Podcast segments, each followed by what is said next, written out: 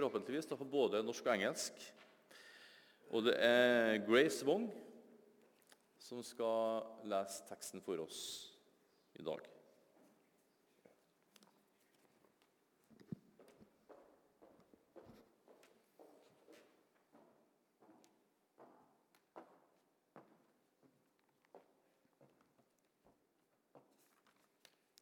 John chapter 15, verses 1 to 8.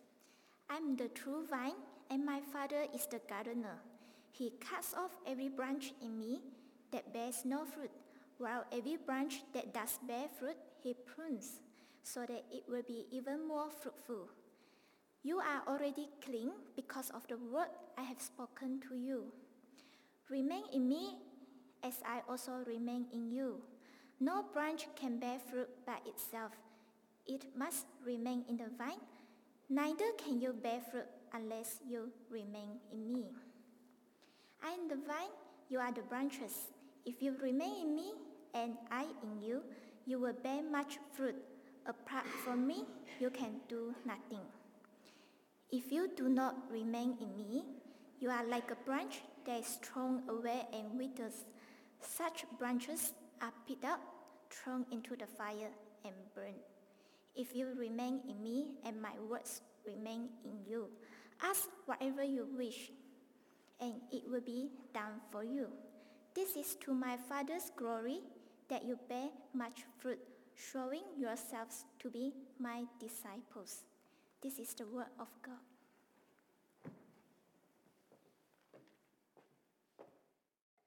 Tusen takk til eh, Maria og gjengen. Dere er skikkelig flinke.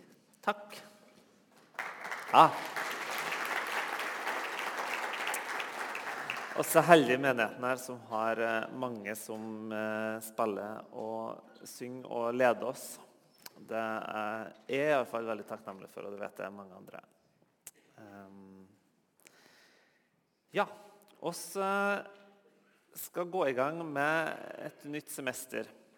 Og um, temaet for våren har blitt, eller for tida nå, fram mot påske, er 'Sammen med Jesus'.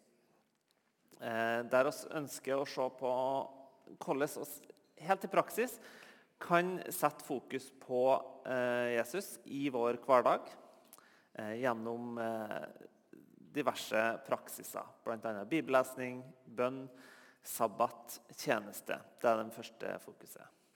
Og nå er vi da inne i det som heter åpenbaringstida. Tida da eh, oss som kirke prøver å sette fokus på at Jesus kom til jorda og var sammen med oss. Åpenbaringstidfargen er grønn. Ja. Den er skifta, det er bra, Lars Eran. Den er eh, grønn der og der. Eh, det er en farge for vekst og modning. Og I dag skal jeg snakke om eh, tema som handler om vekst og modning. Og eh, snakke da om såkalte stegteorier eller skjemateorier. Eh, altså mennesker som har gått eh, før oss, som har prøvd å se på hva er mønster for utviklinga i et kristenliv. Eh, hva er, hvilke steg går den, hvilke faser går livet i? Um, så eh, I dag blir det nokså sånn undervisningspreken. Jeg kommer til å ta for meg eh, spesielt ei bok av en som heter Erling Rimehaug. Eh, fast, han har vært en Vårt Land-mann i mange år. Eh, som har skrevet denne boka her, eh, som jeg anbefaler å lese. Eh, det tar kanskje en og en halv time, så er det gjennom. og veldig fin bok om hvordan Jesus leder oss på veien sammen med han eh, mot eh, modning og eh, et tettere forhold til han. Så jeg tror jeg bare starter med ei kort bønn. Gud, takk for at eh, du er her, og at eh, når oss eh, er poda inn på det, så vil oss bære frukt. Jeg takker for menigheten vår. Hjelp oss nå og hver dag til å høre ditt ord og gjøre det som du kaller oss til. Amen. Vi hørte lest i teksten fra Johannes 15 om at oss er grener på eh, Jesu tre, eller altså Jesu vintre. Eh, og så poda inn på Kristus, eh, et bilde som kanskje noen syns er litt rart. Eh, men som en hagebruker da kanskje ville ha gjort, så tar han en, et tre, borer et hull i treet og setter ei gren fra et annet tre innpå det. Og Det er liksom bildet som da brukes, og så er eh, poda inn på Kristus når vi tar imot trua. Eh, fordi at det er mange som tenker at det å bli kristen er på en måte en slags endestasjon. Og, eh, og så prøvde å nevne det flere ganger i høst at det er kanskje ikke helt sant. Mange tenker veldig statisk om at eh, først så er du eh, ikke troende og så blir du troende. Og så venter du i eh, x antall år til du kommer til himmelen. Eh, kanskje er det litt mer enn det. Fordi målet med hele livet her på jorda er jo å bli mer lik Jesus. Å bli ett med han til glede for seg sjøl, men ikke minst til glede for verden rundt oss og for alle oss har eh, kjær. Eh, nå vet jeg ikke hvordan det er dere, eh, men jeg vet ikke om er det noen her som har noe mål for året, eller kanskje tiåret, og så går inn i et nytt tiår. Er det noen her som har et nyttårsforsett? Rekk opp hånda hvis det er noen som har det. Oi, det var få! Rekk opp hånda alle som har mislykkes i sitt min nyttårsforsett allerede. Ja. Mitt mål var uh, uh, eh, dagens lærdom. Ikke, ikke ha ambisiøse mål som er lite konkret. Mitt mål var å bli bedre på forberedelse. Ja, det er jo alt, det er jo så abstrakt at det er helt umulig, så det gikk ikke. Men talen var iallfall ferdig klokka ti i dag. Um, yes. Um, og kanskje er eh, hele kristenlivet sitt mål eh, litt eh, abstrakt. Litt vanskelig å, å, eh, gripe. Bli mer lik Jesus, Lessum. Det er litt rart. Og så tror jeg at vi har litt motstand fra diverse tradisjoner i vår kristendom. Eh, bedehustradisjonen, vekten på eh, at eh, du er frelst. Det er et nå, og det er et da. Og eh, Du krysser den, og da er du liksom innafor, og så kan du være utafor som skaper en sånn statisk eh, greie. Eh, eh, det alt er ferdig, jeg kan ikke gjøre. Så da er det bare å vente til himmelriket. Eh, eller oss kan ta folkekirketradisjon, som har veldig vekt på dåpen. Om at dåpen er eneste vei til Gud. Sånn at eh, enten så er du døpt, eller så er du ikke døpt. Og alle andre innspill vil bli tolka som et sånt forsøk på å skape A- og B-lag i kirka. Eh, så For mange fra både bedehustradisjon og folkekirketradisjon så var det et veldig sånn løft på 60-70-tallet når den eh, karismatiske vekkelse kom. Eh, men med det her i bak, bakhånd så ble fordi Da ble det liksom med karismatikken, med tungetalen, med alt av gaver som Gud kan gi oss, så var det mange som opplevde å få veldig fornya kristenliv. Men for mange så ble det òg en sånn eh, Du er kristen, og så skal du bare oppleve mest mulig med Gud her på jorda. Og så kommer du til himmelen. Um, og kanskje har vi gått glipp av noe av den gode, gamle, virkelig gamle tradisjonen som var kanskje fra før reformasjonen. Ting vi kan hente fra katolsk og ortodoks hold, fra ørkenfedrene.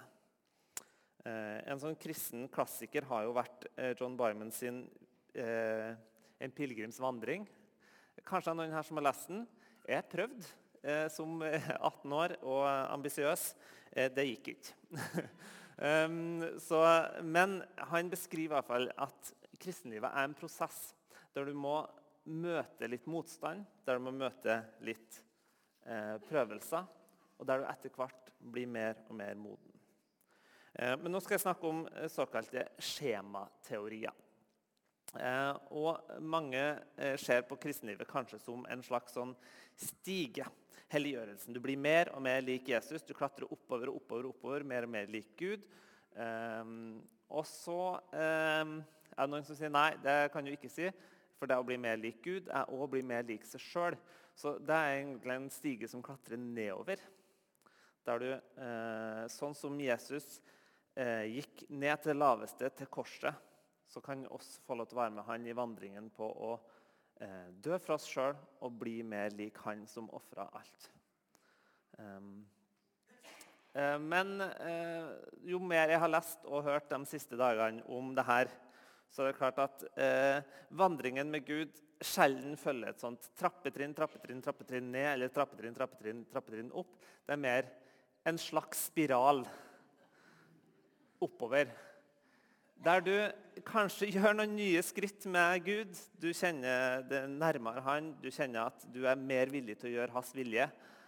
Og så skjer det noe, og så går det litt ned igjen. Og så moder du, og så møter du veggen, og så lærer du noe nytt. Og så prøver du, og så feiler du, og så går det litt opp og ned, men sakte, men sikkert så drar Gud oss mer og mer nærmere Han.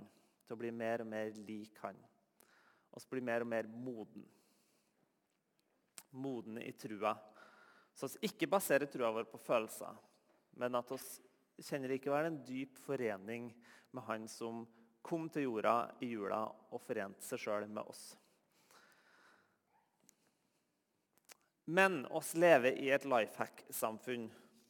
Og jeg fant tre eh, eh tilfeldige artikler fra eh, Men's Health, fra KK og fra itro.no. Eh, alle sammen med veldig sånn kjappe løsninger.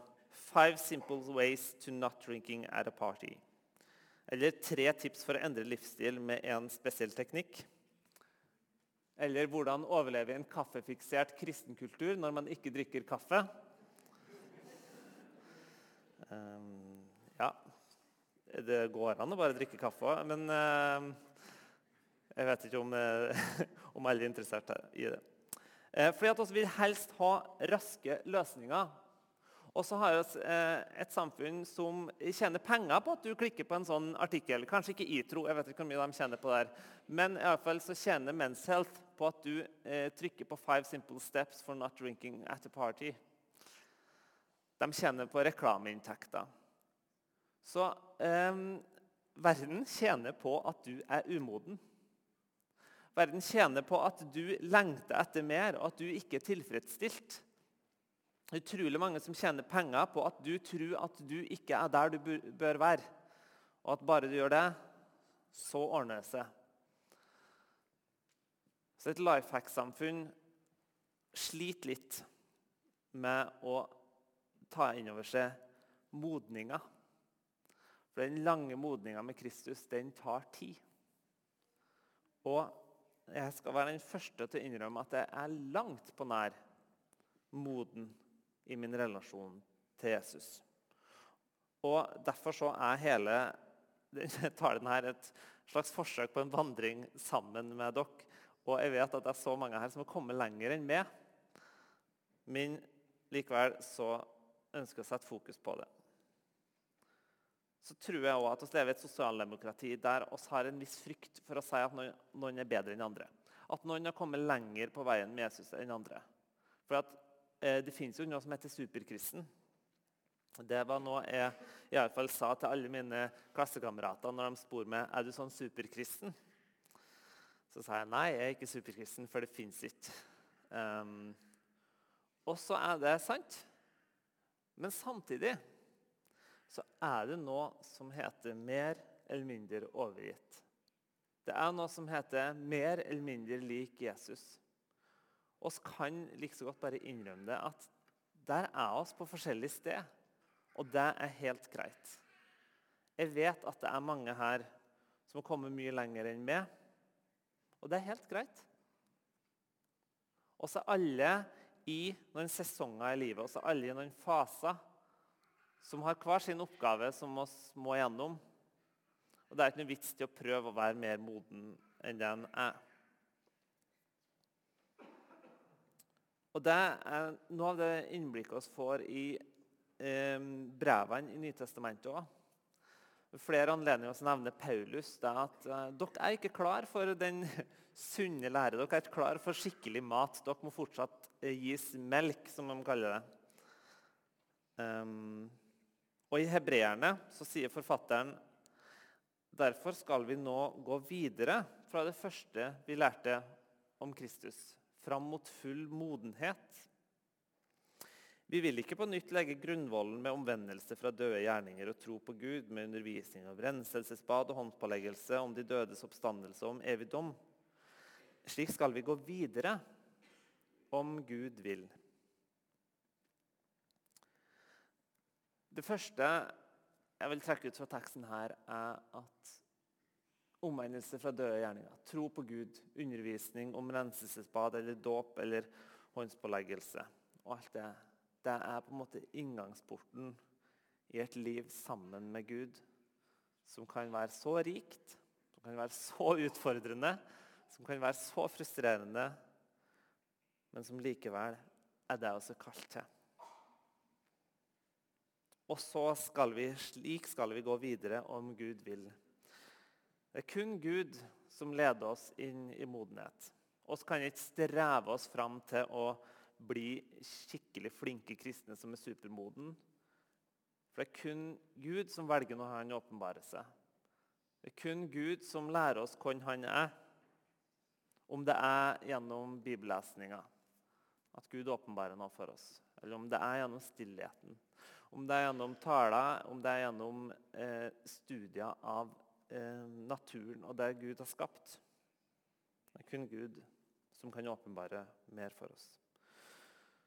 Så Den siste halvdelen av talen skal handle om en som heter Johannes av Korset. Som var en spansk eh, munk fra 1500-tallet. Eh, han baserte hele sin lære om liksom, våre steg i kristenlivet på en eh, tradisjon som heter De tre veier. De tre veier er en eh, tankegang om at livet går gjennom tre faser. Kristenlivet går gjennom tre faser eh, som stammer kanskje fra 100-tallet etter Kristus. Så eh, dette er en gammel tradisjon som han eh, utarbeider videre i tradisjonen med um, Thomas Aquinas og noen andre. Um, og jeg tror kanskje at Som lutheranere så kunne vi glemt Johannes av Korset, for han levde liksom rett etter Martin Luther. Uh, så han kan nok ha falt litt i skyggen. Men han, sammen med sin gode venn eh, Teresa av Avilda, de har blitt til inspirasjon for veldig mange, og spesielt innen retreat-tradisjonen nå. Og jeg skal benytte meg av Erling Rimehaug sin beskrivelse av eh, den. Og da vet jeg noen akademikere ut her som tenker går du ikke til primærkilden, bruker du sekundærkilde? Ja. For jeg leser ikke spansk, eh, det, og jeg leser iallfall ikke 1500-tallsspansk. Og jeg leser heller ikke eh, engelske oversettelser av 1500-tallsspansk. For hele hans verk er skrevet i dikteform, så det trenger litt oversettelse. Og da er jeg glad jeg har Erling Rimehaug, som igjen eh, bruker Wilfrid Stinesen som eh, sin veileder. Men før vi går i gang med det, så må jeg ta noen viktige avklaringer når vi snakker om åndelig vekst og modning. Først, det er Gud som tar oss til neste steg. Det må jeg påpeke. Oss kan ikke streve, oss kan ikke jobbe hardt, oss kan ikke ta på oss masse, masse oppgaver i kirka og så tenke oss da blir oss som Jesus. Nei, det er Gud som leder oss inn i det. Og så er hvert steg like viktig og nødvendig. Og Tenker du i dag at oi, nå er jeg i Jeg skal snakke om ørken etter hvert. Nå er jeg i en ørken. Så er du det. Og Da er det ikke noe vits til å tro at du er i modningstiden.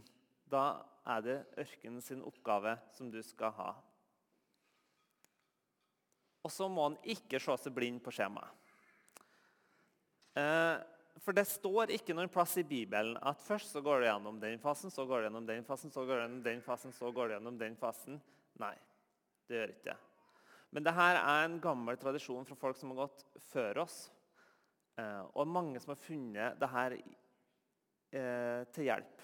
Det er et virkemiddel. Det er et virkemiddel på lik linje som Enneagram eller Myers-Briggs eller eh, The Big Five eller en personlighetstest for å hjelpe oss å justere kompasset. Det er et virkemiddel for å finne ut hvor er jeg nå, og hva er mitt kall i den fasen av livet jeg er i nå. Og så er det sånn at det er ikke nødvendigvis sånn at vi går fra fase 1 til fase 2 til fase 3 til fase 4 til fase 5.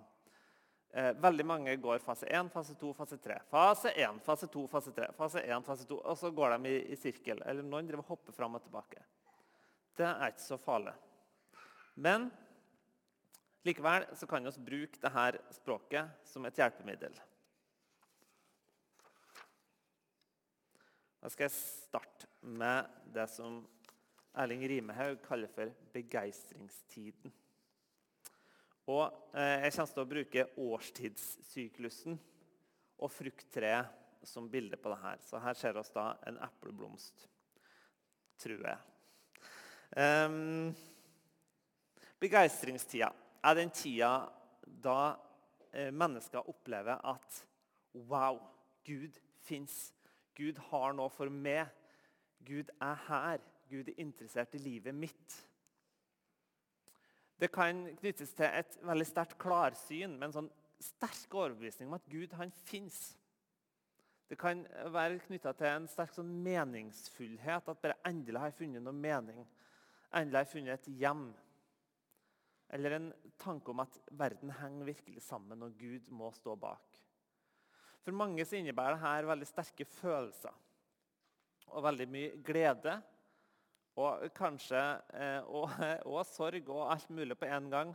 Men det er en veldig sånn eh, glanstid for mange. Og kanskje er det mange her som nå tenker tilbake på, på en tid da det var sånn. Og så er det kanskje noen som tenker jeg har aldri hatt det sånn, men jeg er fortsatt kristen. Helt greit. Men det som ofte kjennetegner, er at jeg vil ha mer av Gud. Jeg vil kanskje lese mer i Bibelen. Jeg vil kanskje eh, be mer. Jeg vil kanskje være mer i kirka og den type ting. Og så er det ikke nødvendigvis så mye følelser involvert, men ofte så er det det. Og da kommer òg en del fristelser. Johannes av Korset han sier at han eh, beskriver de her menneskene som at de fordømmer andre og seg selv har jeg lyst til å putte inn her, i sitt hjerte når de ser at de ikke har den samme hengivelse som de selv begjærer. Fordi fristelsen eller faren er at han blir så opptatt av denne lengselen etter Gud, etter nærheten med Gud, etter eh, opplevelsen av Gud, at han kanskje ser ned på andre som ikke kjenner på det samme. Eller at han ser ned på seg sjøl når han sjøl ikke begynner å kjenne den. Og han kan drive seg sjøl til å eh, oppleve mer og mer og mer og mer, og mer, som gjør at han blir mer opptatt av sine egne opplevelser enn av Guds kall. Så Derfor så eh, sier både Erling Rimehaug og Johannes av Korset at i denne fasen så er det utrolig viktig å lære seg åndelige praksiser. Som bønn, bibellesning, tjeneste, sabbat. Praksiser som står der den dagen følelsene ikke er der. Den dagen eh, følelsene er det stikk motsatte. Da er det godt å ha noe som er fast. En rytme på livet som kan bære det gjennom.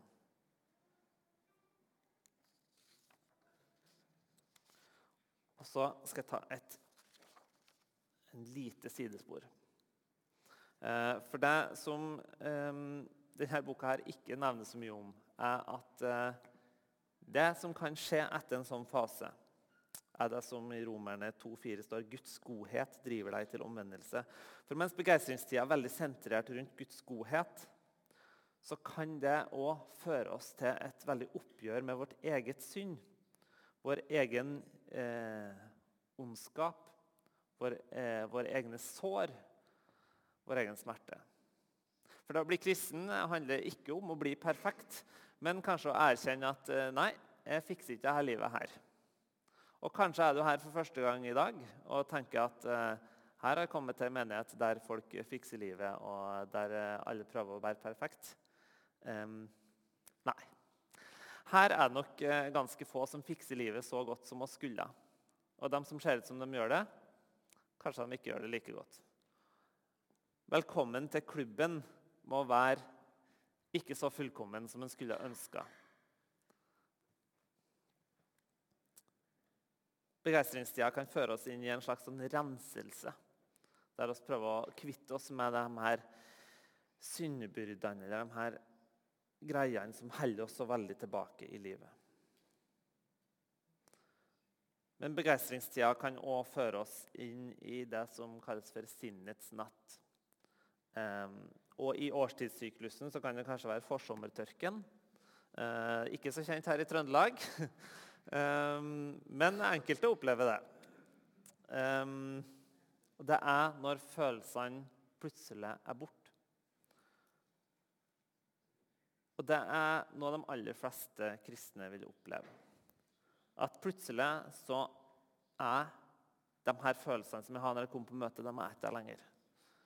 De her eh, sterke opplevelsene av Guds nærvær i lovsangen den var plutselig borte.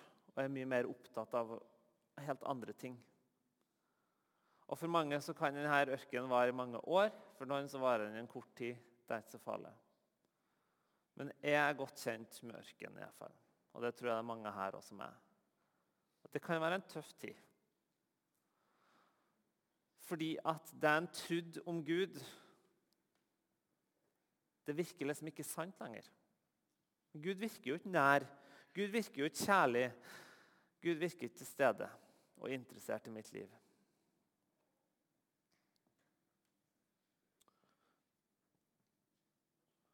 For Johannes av Korset så var tørketida helt nødvendig og helt normalt. Fordi det er den som gjør oss fast til å justere fokus litt. Som gjør at vi ikke blir så opptatt av opplevelsen av Gud, men at vi kanskje retter fokus mot Gud sjøl. Og i eh, denne boka, her, Bibelen, så er ørkenen gjerne veldig viktig. Det er den tida da Gud prøver sitt folk. For israelsfolket eh, kom ut fra Egypt, eh, gikk gjennom Sivsjøen. Eh, Vannet delte seg fullt av liv og lovsang og hele pakka og god stemning. Begeistringstida. Og så plutselig var de i ørkenen. Og så var det ikke noe vann der. Og så var det ikke så artig å forlate kjøttgrytene i Egypt som en trodde. Du skal huske den lange veien som Herren din Gud førte deg disse 40 år i ørkenen. Fordi han ville ydmyke deg og prøve deg og få vite hva som bodde i ditt hjerte, om du ville holde hans bud eller ikke. For meg så vet jeg at ørkenperioder virkelig har vært å tid med der jeg innser hvor, hvor stolt jeg er, hvor eh, sentrert rundt meg sjøl jeg er. Og jeg blir veldig klar over at jeg ikke er så villig til å følge Guds bud som jeg tror. Så ørkenens oppgave er på en måte å lære oss ydmykhet. Som boka her sier, den viktigste selverkjennelsen er at jeg ikke kan gjøre noe for å nærme meg Gud. Det er kun Gud som kan nærme seg oss, og det eneste oss kan stille oss åpen. Og Gud velger å åpenbare seg når han velger det sjøl. Men i denne fasen kan vi lære oss disiplin, lydighet og tålmodighet utrolig viktige ting i modning. Der altså ikke bare stikker fra den ene opplevelsen til den andre opplevelsen som, som tenåringer eller eh, hipstere i Berlin, men der oss virkelig forplikter oss og går for noe sjøl om våre følelser kanskje strider mot det. Og så er fristelsen i sinnets natt, tørketida, å fylle tomheten med aktivitet. Enten i kirke eller utafor kirke. Som at vi bare døyve denne lengselen vår etter et eller annet. Fordi at i ørkenen så blir en tørst. Og Spørsmålet er om en er villig til å lytte til den tørsten. Tørsten vår etter Gud. Eller om en prøver å fylle den med helt andre ting. Og så er det òg en fare for at oss kan se ned på de begeistrede. At oss tenker at du har ikke skjønt noen ting. Du er så naiv. Men de begeistrede har òg noe å lære, de som er i tørketida. At livet går i faser, og plutselig så er det en oase midt i ørkenen. Og da må han være klar. Og så skal jeg ta et lite sidespor igjen. Fordi mange eh, av de her eh, paradigmene som snakker om modning, de vil si at etter ørken så vil en gjerne gå inn i en tid som er tid for litt sånn renskelse. Og eh, her blir det da forsommer, som det har vært eh, tema. Den tida da han kanskje eh, begynner å gå til terapi og prøve å ordne opp litt i fortida. Prøve å hive ut eh, noen av de her tingene som han har fått med seg hjemmefra som ikke var godt. Prøve å finne ut hva er det vil ta vare på, og hva er det ikke vil. Eh, sånn er det med et epletre. Du må plukke av noen, noen små epler. For Hvis ikke så blir det altfor mange av dem, og ingenting blir modent. Noen ting må vi bare få kaste fra oss. Men det er klart det er en fristelse der òg. Noen blir værende. Og, eh, og, mange blir så eh, Plutselig så snakker ikke de om annet enn enegrammet, og de har gjort det i ti år.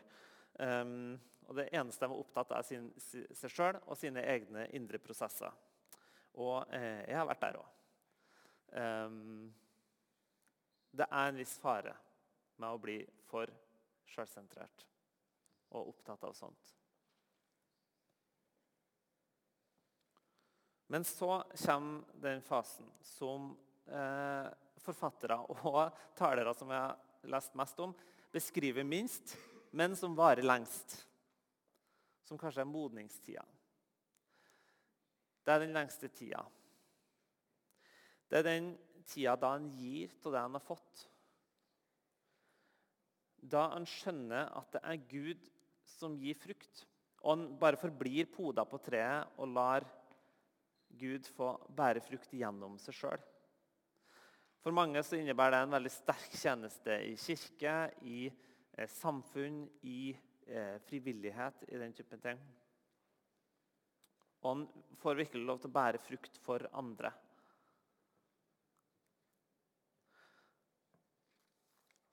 Men den har òg noen fristelser. For en tror kanskje at dette er endestasjonen. At nå gir jeg maks inn i menighet. Og i alle fall så kan jeg merke det som jobber i menighet. At nå er jeg liksom kommet til målet. Det er jo å liksom jobbe skikkelig hardt for det som skjer her.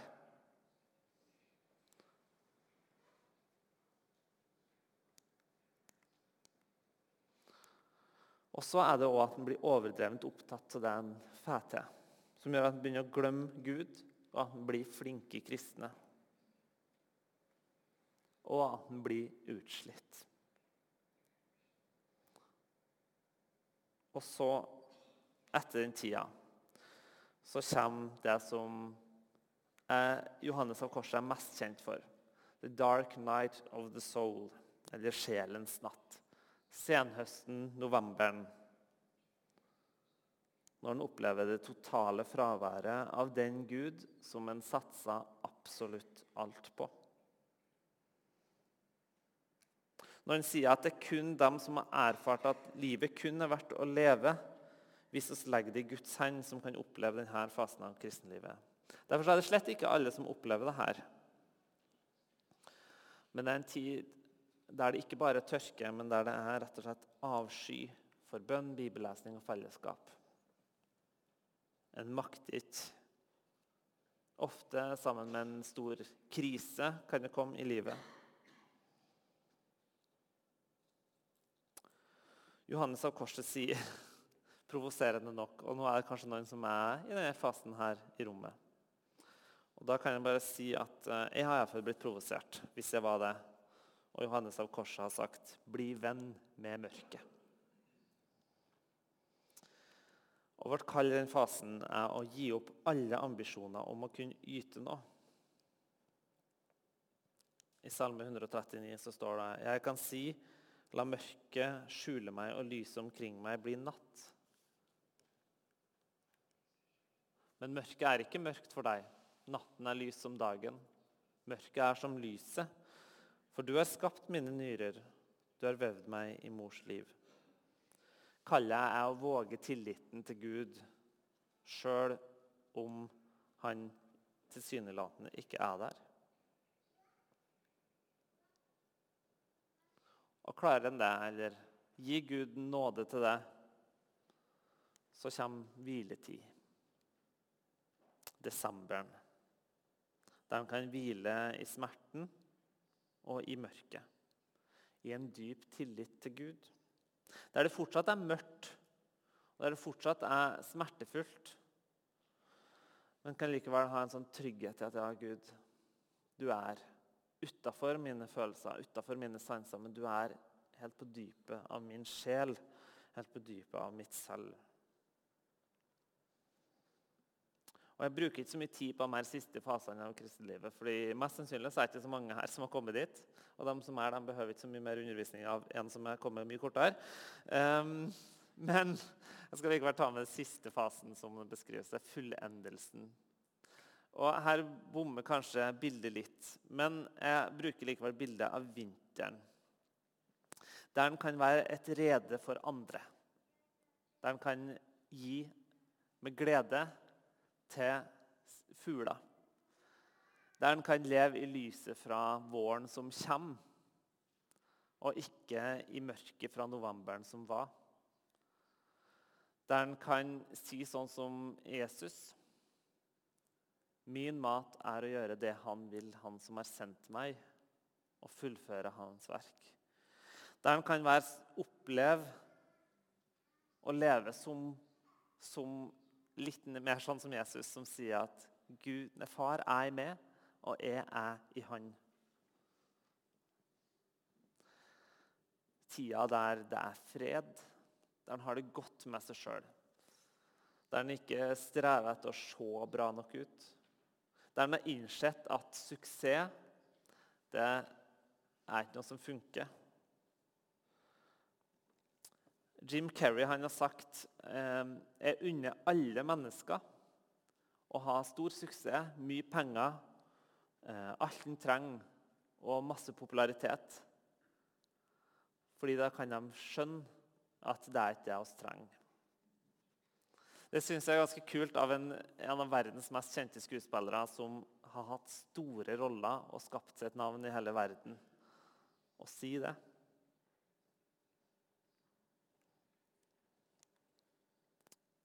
I løpet av dagen i dag så skal jeg legge ut et dokument på, fra, eh, på nettsida til Frikirka som du kan bruke i smågrupper eller i ditt personlige liv eller samle en gjeng.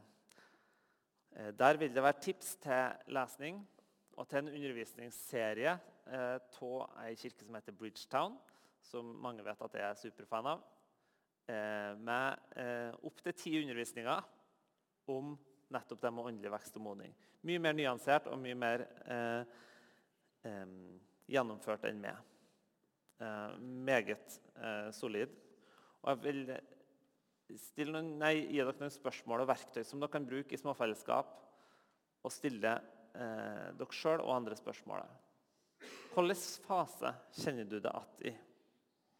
Og hva tror du ditt kall i denne sesongen til livet er nå? Og hva gjør det med nyttårsforsetter som ingen åpenbart har satt seg? Um, og hva gjør det med hvordan du ser nå inn i det neste tiåret? Gud han har noe for oss hver enkelt i den fasen av livet oss er nå. Om det er smerte eller om det er glede. Og oss kan fortsatt takke Gud for at han holder oss i sin hånd. Og Det skal vi gjøre nå i responstid etterpå. Amen.